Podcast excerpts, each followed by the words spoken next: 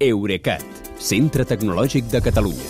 Innovant amb les empreses. Innovant amb tu. Albert Cuesta, bona nit. Bona nit, Kilian.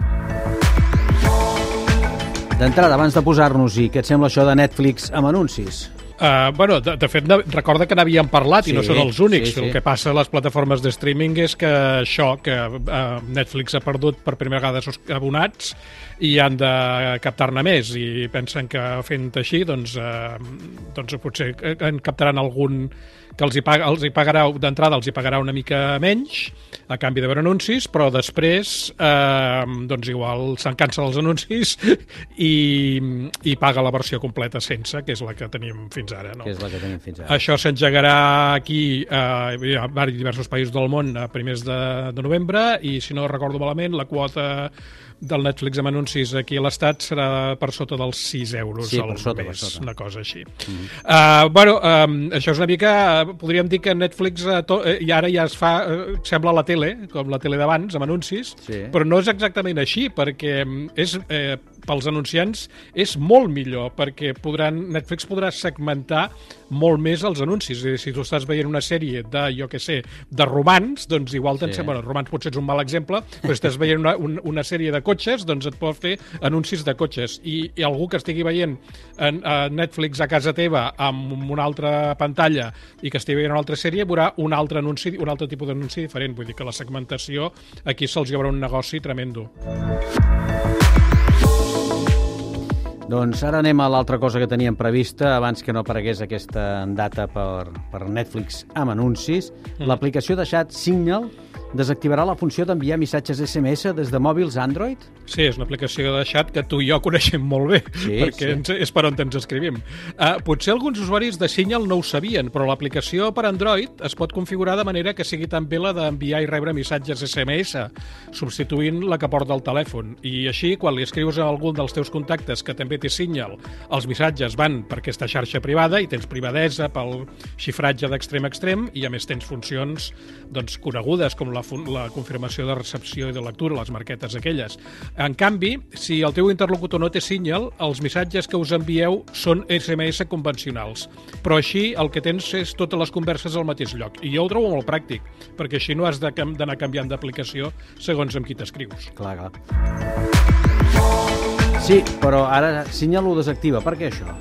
Doncs ells diuen que per evitar confusions. Uh, per una banda, uh, hi ha usuaris que no són conscients d'aquesta diferència i aquests pod podrien creure que totes les converses que fan amb l'aplicació de Signal estan protegides, però en realitat les que són via SMS poden ser interceptades per l'operadora com una SMS convencional, encara que l'hagis enviat amb l'aplicació de Signal.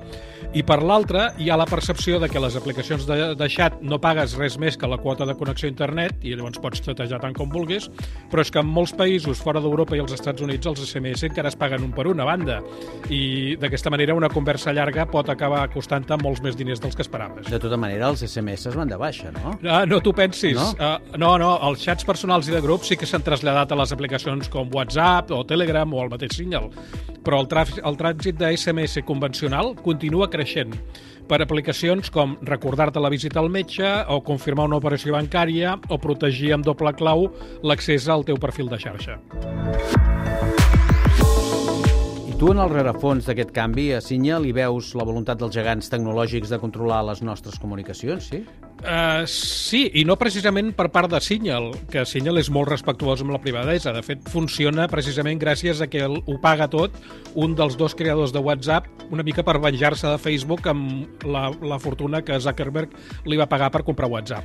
Més aviat amb això del, del control de comunicacions em refereixo a Apple, que amb els seus iPhones només hi posa una aplicació que es diu Missatges, eh, que fa exactament el mateix que Signal, fins ara eh, fa els Androids. Eh, si li escrius amb un altre usuari d'Apple amb missatges, eh, aquests missatges estan xifrats. Però si t'escrius amb un d'Android, el que us esteu enviant són SMS normals. Ja. Amb la, amb, la, amb la greujant que els iPhones no pots, servir, no pots fer servir una aplicació específica de SMS perquè no hi és. I, de fet, Google i les telefòniques porten anys desplegant una cosa que es diu RCS, que són com uns SMS vitaminats amb les mateixes funcions que els xats com WhatsApp, Telegram o Signal o Apple Messages. Aquesta aplicació, els mòbils de Samsung, per exemple, ja la porten incorporada. Però fa unes setmanes, un periodista li va demanar a Tim Cook, el jefe d'Apple, si tenia intenció d'adoptar aquests RCS als iPhones, i li va dir per, perquè pogués xatejar en privadesa des del meu iPhone amb la meva mare, que fa servir Android. Yeah. I Cook va i li respon al periodista que si la seva mare necessita funcions avançades, el que ha de fer és comprar-se un iPhone. Veus? Com deies, no volen cedir el control de les comunicacions, eh? No, en absolut. Bona nit, gràcies. Fins, Fins demà, Kilian. Bona nit. Eurecat, centre tecnològic de Catalunya. Innovant amb les empreses. Innovant amb tu.